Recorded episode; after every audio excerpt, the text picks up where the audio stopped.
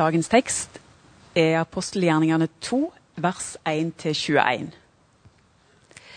Da pinsedagen kom, var alle samlet på ett sted. Plutselig lød det fra himmelen som når en kraftig vind blåser, og lyden fulgte hele huset hvor de satt. Tunger som av ild viste seg for dem, delte seg og satte seg på hver enkelt av dem. Da ble de alle fulgt av Den hellige ånd, og de begynte å tale på andre språk, ettersom ånden gav dem å forkynne. I Jerusalem bodde det fromme jøder fra alle folkeslag under himmelen. En stor folkemengde stimlet sammen da de hørte denne lyden, og det ble stor forvirring, for hver enkelt hørte sitt eget morsmål bli talt. Forskrekket og forundret spurte de, er det ikke galileere, alle disse som taler? Hvordan kan da hver enkelt av oss høre sitt eget morsmål? Vi er partere og medere og elamitter, folk som bor i Mesopotamia, Judea og Kappadokia, i Pontos og Asia, Frygia og Pamfylia, i Egypt og i Libya-området mot Kyrene, og innflyttere fra Roma, jøder og proselytter, kretere og arabere. Og vi hører dem tale om Guds storverk på våre egne tungemål. De visste ikke hva de skulle tro, og forvirret spurte de hverandre hva er dette for noe. Men noen gjorde narr av dem og sa de har drukket seg fulle på søt vin. Da steg Peter fram sammen med de elleve. Han hevet stemmen og talte til dem. Jødiske menn og alle dere som bor i Jerusalem. Merk dere hva jeg sier, og lytt nøye til mine ord. Disse menneskene er ikke fulle, slik dere tror. Det er jo bare den tredje time på dagen. Men her skjer det som er sagt gjennom profeten Joel. I de siste dager skal det skje, sier Gud, at jeg øser ut min ånd over alle mennesker. Deres sønner og døtre skal profetere. De unge skal se syn, og de gamle skal drømme drømmer. Selv over mine slaver og slavekvinner vil jeg i de dager øse ut min ånd, og de skal tale profetisk. Jeg setter varsler oppe på himmelen og tegn nede på jorden, blod og ild og røykskyer. Solen skal forvandles til mørke og månen til blod før Herrens dag kommer, den store og strålende. Men hver den som påkaller Herrens navn, skal bli frelst. Slik lyder Herrens ord. Pinsen den har mange paradokser. Det har jeg tenkt en del på i det siste. Jula den handler om et eh, barn som ble født i en stall. Det er veldig konkret. Påsken det handler om den samme Jesus som blir hengt på et kors, og som reises opp fra de døde og viser seg for disiplene sine etterpå. Det er påsken. Jul og påske det er mystisk, det er mektig, og samtidig er det veldig konkret. Og så kommer pinse. Fra at vi har snakket om en, et menneske i kjøtt og blod, som er Guds sønn, så skjer det noe annet. Og Da er virkningen av det som skjer, helt konkret. Men når man skal fortelle hva eller hvem som kom, da forsvinner vi inn i bildespråket. Legger dere merke til det? Hør. Plutselig lød det fra himmelen som når en kraftig vind blåser. Det var ikke en vind. Det var som en vind. Og så tunger som av ild viste seg for dem, delte seg og satte seg på hver enkelt av dem. Det var ikke ild. Det var som ild. Bildespråk. Fordi Den hellige ånd ikke helt lar seg fange i det konkrete, sånn som Jesus kunne mens han gikk omkring og bare var et menneske. Jesus var konkret. Den hellige ånd er en person, sier vi i trosbekjennelsen vår. Og Det er det en del teologer som er veldig opptatt av å minne oss på. at eh, Han er ikke en kraft, han er en person, han òg. I treenigheten. Men i det øyeblikket vi identifiserer denne personen med noe konkret og sier 'der er han', eller det er den tingen som er Den hellige ånd. Da er det akkurat som han glipper for oss. For da er det akkurat som om vi forsøker å fange Den hellige ånd i en lampe. Som i eventyret. Kontrollere han, ta han med oss til et annet sted. Og så liksom Nå skal han komme ut her, og så har jeg kontroll på han, og så skal han inn igjen, og så tar jeg han med meg i lomma. Jeg tror det er i det øyeblikket vi begynner å gjøre det, i hvert fall hvis ikke vi blir stoppet og bare fortsetter videre, at han minner oss om at det var ikke det som var planen. Det var ikke sånn det var tenkt. Du kan ikke kontrollere meg. Den hellige ånd lar seg ikke fange i våre konkrete ting. Han lar seg ikke fange i oss som mennesker. Han lar seg ikke fange av ord, sånn som jeg forsøker å gjøre nå. Kommer til kort med en gang. Og Derfor skriver Lukas det lød fra himmelen som når en kraftig vind blåser. Men det var ikke vind. Og tunger som av ild viste seg for dem, men det var ikke ild. Merk dere at i Galaterne 5, når det ramses opp egentlig veldig sånn hverdagslige frukter, så er det noe av det vakreste jeg vet om Den hellige ånd. Når det står om alle fruktene som kommer Den hellige ånd. Og det er jo ting som vi kan lete etter i vår hverdag. Men en av de fruktene det er ydmykhet. For Den hellige ånd er ydmyk. Han er på en måte litt beskjeden på egne vegne. Han vil ikke ha direkte lys på seg selv. Han er ikke spesielt oppmerksomhetssøkende. For han vil ha lys på Jesus. Nei, Jesus er ikke lenger til stede iblant oss i kjøtt og blod. Men han er her. Fordi Den hellige ånd bringer ham til oss han forklarer han for oss, han forklarer Jesus for oss, og han gir oss frelsens gaver. Så hvis du er en av dem som er mest opptatt av å snakke om Jesus og snakke til Jesus, og kanskje ikke helt har noe sånn forhold til Den hellige ånd i dine bønner Jeg sier ikke at eh, du ikke skal begynne med det, men jeg vet ikke om det er så farlig heller. For jeg tror ikke Den hellige ånd blir misunnelig av at du snakker til Jesus og ikke til han. For han ønsker at Jesus skal bli synlig og levende i våre liv.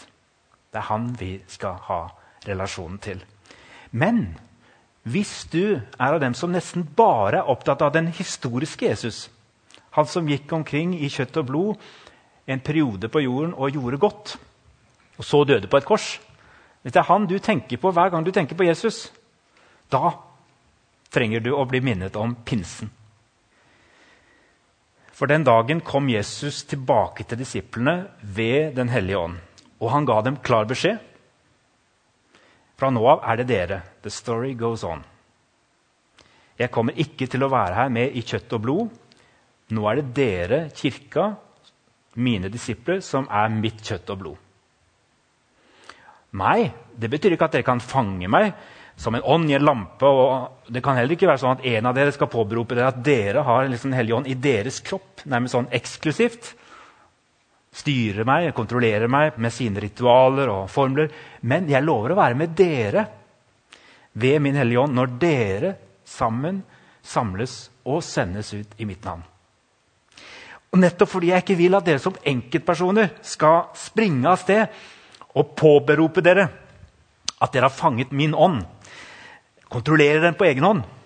Nettopp derfor litt paradoksalt kanskje, nettopp derfor skal dere ta vare på mitt ord og mine apostlers ord. Og ikke legge noe til eller trekke noe fra.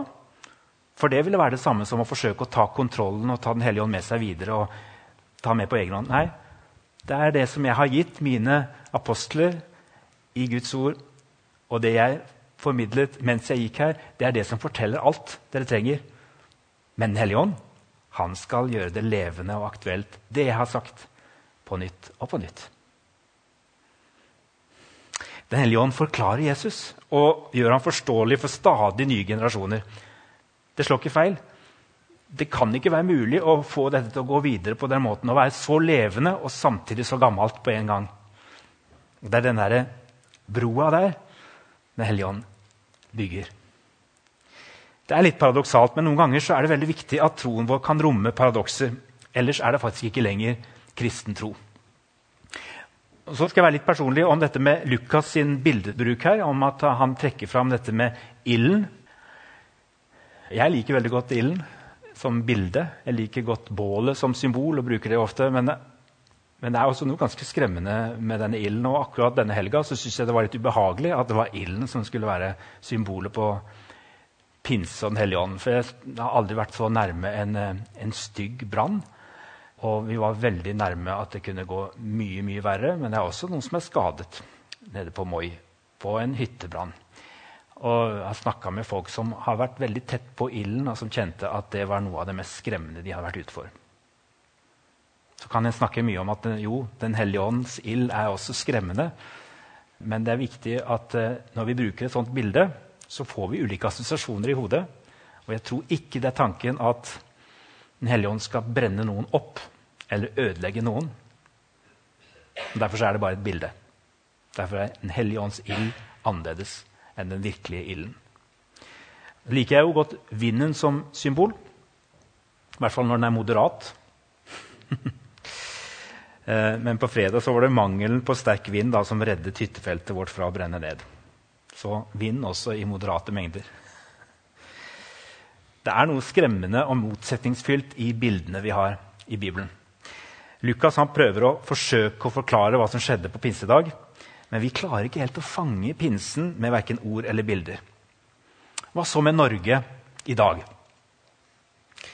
Det er en setning som har ligget på leppene mine hele denne uka. og det er Det blåser en pinsevind over landet. Og da er det mange av dere som nikker fortrolig med et sånt uttrykk. Og så er det andre av dere som syns dette er veldig fremmed. La meg prøve meg på hva slags følelser og tanker dere får når jeg sier 'det blåser en pinsevind over landet'. Hva slags følelser? Jeg kan prøve meg. Noen av dere hører et fremmed språk. Det er dette billedspråket igjen. da. Dere aner at det har noe med kristnes erfaringer å gjøre. Men dere hører dette som en fremmed, og dere syns det er litt rart. Noen av dere nikker smilende. Ja visst, det er jo pinse. Det er vår i lufta.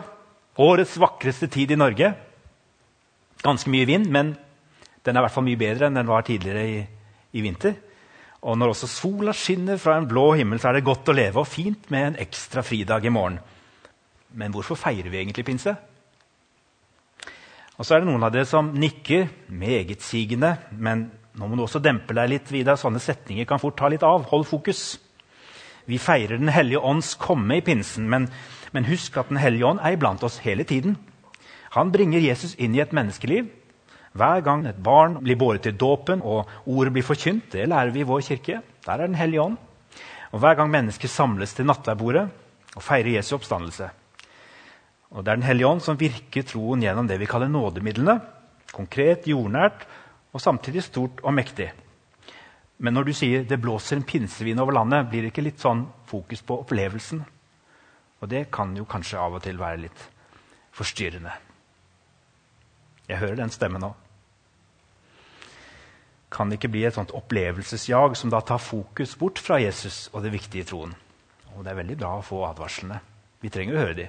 Men det er kanskje noen av dere her i dag som sitter og tenker på Den hellige ånds gjerninger, og dere lengter etter at det skal være sant at det faktisk blåser en pinsevind over landet.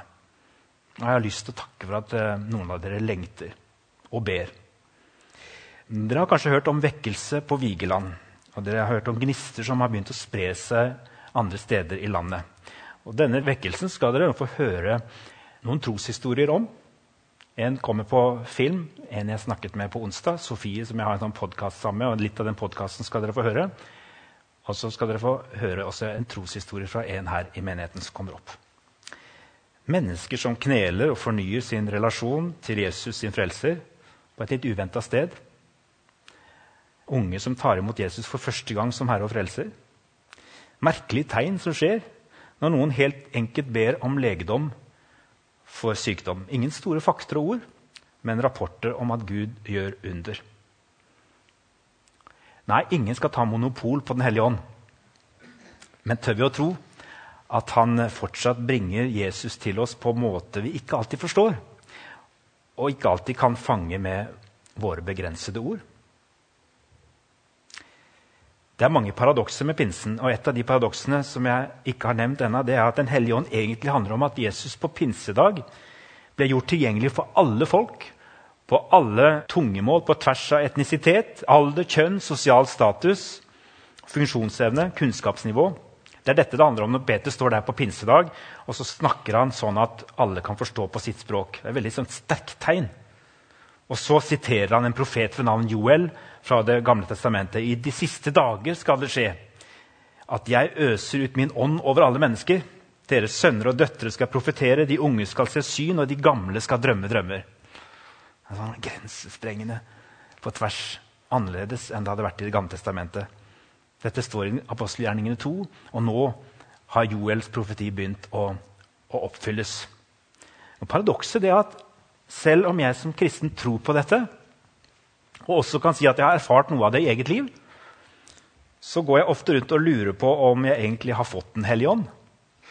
Det er særlig hvis jeg begår den synd og sammenligner meg med andre. For Jeg får liksom ikke helt kontroll på hva Den hellige ånd egentlig gjør, og jeg liker å ha kontroll.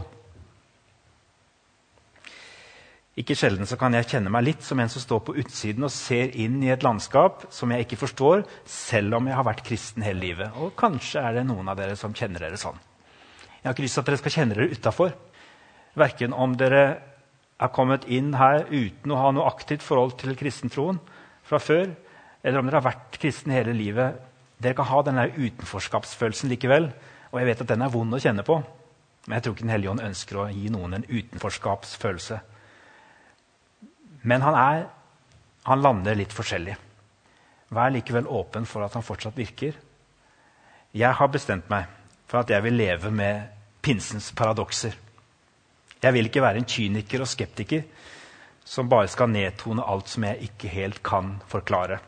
Eller bortforklare det med at det nok er menneskelige villfarelser eller opplevelseshysteri. Noen ganger så er det det, men jeg har ikke lyst til å alltid bortforklare. Jeg lengter og speider etter åndens frukt som det står om i Galaterne kapittel 5. Åndens frukt er kjærlighet, glede, fred, overbærenhet, vennlighet, godhet, trofasthet, ydmykhet og selvbeherskelse. Hver gang du ser og erfarer noe lignende, noe som ligner på åndens frukt, da kan du glede deg litt og kan du tenke ja, her er han. For da tror jeg det blåser en pinsevind over landet. Og jeg ber, håper og lengter etter å se og erfare det mye mer. Nå skal dere få lov til å bli utfordra til å speide etter Jesus midt iblant oss i dag. Og da er det Den hellige ånd som bringer han til oss. Det er det vi lærer. Hver gang du ser noe som ligner på dette, og hver gang du opplever at Jesus blir levende, så kan du være helt trygg på at det er Den hellige ånd som har brakt han til deg der du er. Og med alle disse tankene og kanskje teoriene og erfaringene som jeg har delt med dere, så, så ber jeg om å være åpen for det som uh, dere får nå av uh, troshistorier. Og først Sofie Braut. Jeg har vært nede på Vigeland på to møter eh, nå i, i, forbindelse med den eh, ja, må jo kunne kalle det en vekkelse som skjer der. I alle fall tiltrekker det seg veldig masse folk. De fleste har jo sikkert hørt om dette nå etter hvert. at eh, Det, det begynte jo på slutten av, av 2022 med noen møter. Og så blir eh, denne sangevangelisten invitert inn igjen, Arthur eh, Robertsen, og fortsetter med møtehelger. Og der en bare merker at en gjør akkurat det samme som før, men plutselig så begynner det å komme veldig mange flere folk enn det har gjort. Sånn som så det er mange plasser på små plasser i Norge. Med noen få som samles og, og ber og, og har møter helt etter vanlige lest. Og så er det altså noe som bare begynner å bre seg ut. Og det er jo, som du sier, det er helt umulig å forklare. Jeg tror ikke en skal gjøre noe forsøk på det engang, for det står jo i Bibelen òg. Anden bles hvor han vil.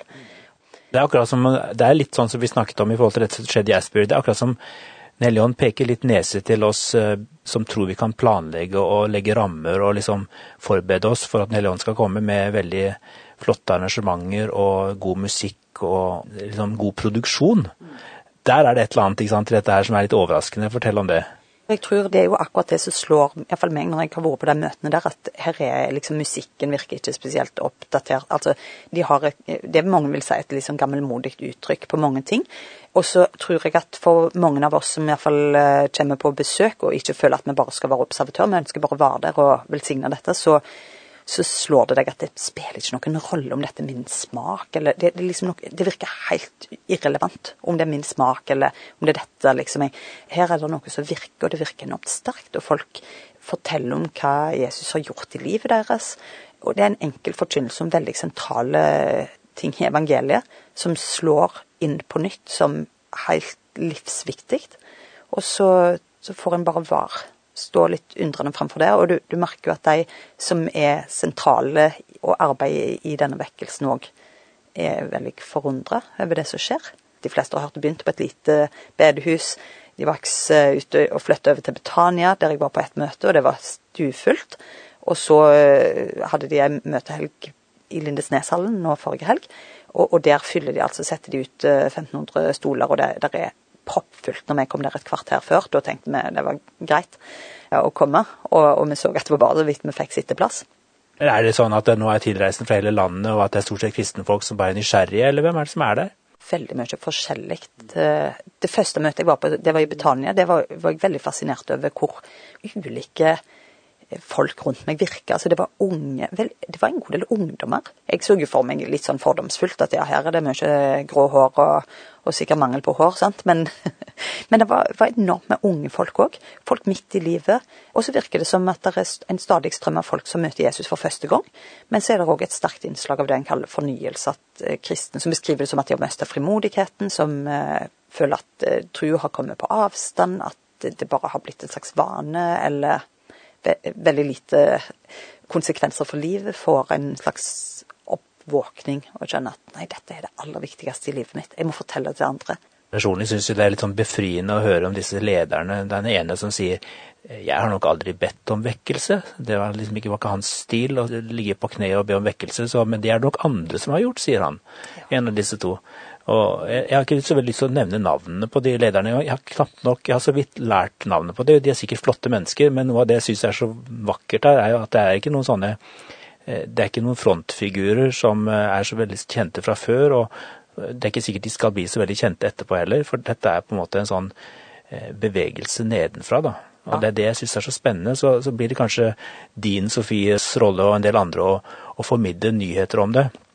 Men det er ikke nødvendigvis eh, de store kristenprofilene som skal stå i bresjen her. Det er tydelig her ønsker kanskje Den hellige ånd å minne oss om at eh, det er han som er viktig, og Jesus som skal være synlig. Og jeg tror kanskje spesielt for en sånn tid som dette òg, med tenkte på det etter Asbury òg, altså med vekkelsen der. At det, at det, er jo et veldig sånn synlighetssamfunn. Det, veldig mange, det gjelder om å ha følgere. ikke sant? Sosiale medier. Logikken er jo det du må Du skal liksom ha følgere. Og her òg er det jo følgere, men poenget er at det ikke er et menneske, men, men eh, Den hellige ånd, eller den trenige Gud, som er den som setter retningen. Og da tror jeg kanskje den, akkurat jeg tenker at disse vekkelsene her har noe til felles med at det ikke er en sånn store skikkelse som alle refererer til, men, men at det er forankra på en annen måte, og noe som vi må bare møte med undring og takknemlighet og, ja, og forventning. Jeg tror de er veldig opptatt av det på Vigeland, at, at, dette skal spre seg. At du liksom ikke skal komme fra det møtet og bare snakke om et herlig møte som har vært der. og liksom, Det kan fort bli en slags åndelig forstoppelse, og en bare tar til seg og tar til seg, men at hele greia er ei åpen hånd der en skal òg gi videre, da. Og eh, på tirsdag tror jeg det var, så fikk jeg en, eh, en SMS fra Gunnar. Du må komme opp. For Gunnar og Liv Synnøve var der forrige helg, og det var jo fint. Det. Jeg regnet med at flere kunne komme til å ta turen. Men eh, jeg syns det var litt fint å få en SMS fra Gunnar der han enkelt forteller om hvordan det var å være der, og også hvorfor det fikk en sterk betydning for han personlig. Og jeg har utfordra Gunnar til å dele sitt vitnesbyrd om, om hvordan han er blitt berørt og hva han ønsker at den berøringen skal bety, ikke bare for han selv, men også for oss. Meg og Liv Synnøve har vært på Vigeland, ja. Og det var spesielt. Men dere som har kontakt med Vår Herre, dere kan godt be for meg, for det tar meg. Jeg har lyst til å formidle, og jeg eh, føler jeg kan det, men, men det er noe som tar meg. Liv Snøve sa det når jeg sa at jeg syter med dette, her, sa jeg i går kveld. Ja, du er jo vant med å stå og presentere maskiner. Ja, dette er noe helt annet, sa jeg. Nei, vi, vi skulle ned der. Vi var forvetne. Vi, vi merka om det er noe med dette vi har trodd på i 50 år, og, og um, det hadde hørt, vi hadde sett på fjernsyn og alt mulig. Så reiste vi ned, og vi kom inn når klokka var før seks. Og det begynte syv, og de begynte å spille og synge ti over halv syv. Jeg tenkte ikke noe mer eller det var greit å være der. Men så kjente jeg det, det var godt å være der. Og mens vi satt der, så ble det sang, mye sang. Forsamlingen var veldig med. De reiste seg. De, det var liv.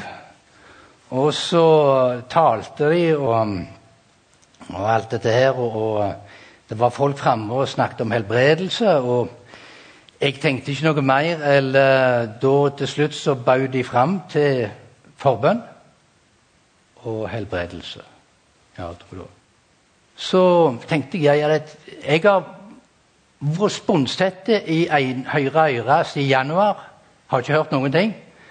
Og jeg har hatt en sånn virus på balansenerver i fire år. Så har kommet og gått. Søndag da gikk jeg en egen tur der jeg måtte sette meg og reise meg. Og, ja, så det har jeg slitt med. Så tenkte jeg det kan ikke bli verre enn det, så jeg gikk fram og hadde lite forventning. Jeg må bare si det. Jeg, jeg tenkte det kan Ja, ja, jeg prøver dette her. Og um, der var det kø. Det var flere, en hel skokk av, av grønne bluser som ba. Og jeg sto i kø og så på dette her, og, og, det virka veldig inderlig. Og så var det min tur. Så kom det to svære karer. En lang hestehale. Og eh, spurte hva det gjaldt. Så sier jeg at det er øre og balansenerver. Så ber de, og så kjenner jeg to svære trykk på hodet. Og så tenker jeg det var noe voldsomt. Og det har ikke, Jeg var sikker på det var han ene gjorde, jeg vet ikke, men, men det var voldsomt trykk. Og de ba, og tårene rant. Jeg holdt øynene igjen, så spurte de om de kunne salve. Det gjorde de. Og det var godt å stå der. Og så var det ferdig, så gikk jeg tilbake og satte meg. Og, og så det var det. Og det var godt å være der. Når møtet holdt på, så tenkte vi ikke på at vi må komme oss herifra, eller vi skulle kjøre hjem. Etter møtet var slutt, så var det Folk ville ikke gå. De, de satt. De sang. Vi òg satt over tid. altså Vi hadde vært der i fire timer før vi gikk. Det er helt spesielt. Jeg eh, kjeder meg fort rundt forbi og ser på klokka og går fort. Men der ble jeg sittende. Så øh, Dette blir en lang fortelling. Så um, I bilen som kjører Liv Synnøve, så hadde jeg høreapparat. Vi kjørte hjem gjennom. og Jeg tok ut høreapparatet og så stappet det opp i lommen. tenkte nå skal jeg prøve om det ikke om jeg hører, men, men jeg, hør, jeg ikke klar, klarte ikke å finne ut noe. Så kom jeg hjem, og jeg sa ingenting, og, og vi gikk og la oss. Og om natta Om natta så våkna jeg klokka tre. Tårene rant. Jeg hadde ikke peiling hva det var. Tårene rant. Og jeg la meg til å sove igjen.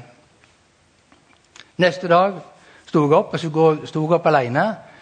Så har jeg en liten sånn Bluetooth-høyttaler på, på kjøkkenet som jeg kjører mobilen på. Så kjørte jeg eh, lokalen gjennom den, og så tok jeg den opp til det øret. Hørte jeg akkurat like godt som der. Tok han over. Tenkte dette her er ikke klokt. Og så Jeg gjorde det flere ganger, for det var, det var jo noe nytt. Å ja vel, tenkte jeg jeg får, jeg får bare la det ligge. Og så Den dagen var jeg ute med kunder og snakket med dem uten høreapparat. Og jeg tenkte meg ikke om, men jeg sa ikke 'hæ', og jeg sa ikke 'si det opp igjen'. Og når kvelden kom, så sa jeg ingenting til Liv Snøve eller noe sånt. Så.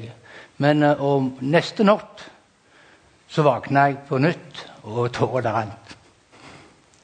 Hva det var, det, det tror jeg jeg vet. Men det tror jeg dere òg vet. Jesus berørte meg. Tårene rant. Jeg har aldri opplevd det. Ligger med, med uten noe som helst. Jeg ber ikke eller noen ting, men tårene renner. Og en utrolig fred. En sånn, det er noe som står i Bibelen som jeg har lest masse ganger. En fred som overgår all forstand. Og det gjorde han. Der er Ja. Så kom jeg til morgenen tirsdag. Gjorde akkurat samme øvelsen. Tok samme høyttaler. Hørte akkurat like godt som venstre øre. Liksom når jeg sto opp, så sa jeg til henne jeg, jeg hører, sa jeg. Så kikker hun med sånn eh, litt sånn eh, rart blikk. Eh, ja Og så, så tenker jeg Ja vel, nå, nå, men jeg, det som skjedde, det var at jeg tenkte Skal jeg fortelle det? Nei, du, jeg glemte det. Hvis jeg hører noe, så er det greit. Men så begynte jeg å sende meldinger til noen jeg vågte å sende dem til. Og det var ikke til Vidar først. Og så kom det tilbakemelding med sånn Oi, er det noe Går det an? Altså, tenkte jeg oi, det var noe voldsomt, det, da. Så drog dette her på seg. Det som jeg sier nå, det er at uh, jeg, ble, jeg føler meg helbreda. Balansen har jeg ikke hatt problemer etterpå. Men det som gjorde det meste, det var det at Jesus berørte hjertet mitt. For det har gjort noe med meg. Og jeg har lyst til å si til dere Jeg vet det er forbønn nå etterpå. Og de vil legge hendene på dere og be. Ikke vær redde for å gå fram. Ta enten det er fysisk eller psykisk. Gå fram og si at du blir bedt for, for Jesus er en realitet. Det er jeg bombesikker på. Og jeg bare tar én ting til. Den um, freden å være på det møtet Det var godt å være, sier vi. Ja, det var et godt møte. Vi har hørt det tusen ganger.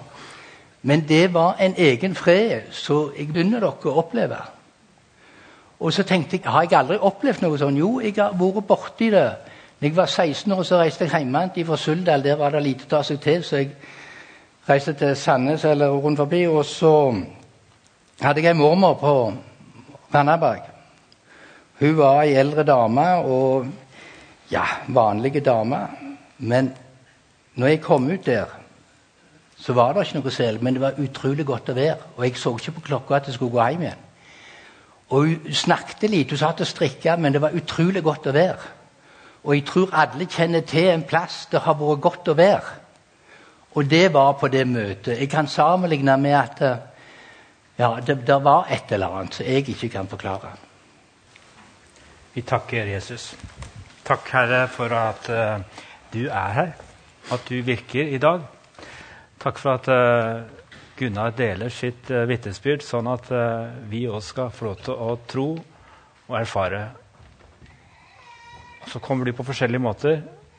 Jeg ber om at du må bare være hos hver enkelt av oss som sitter her i dag.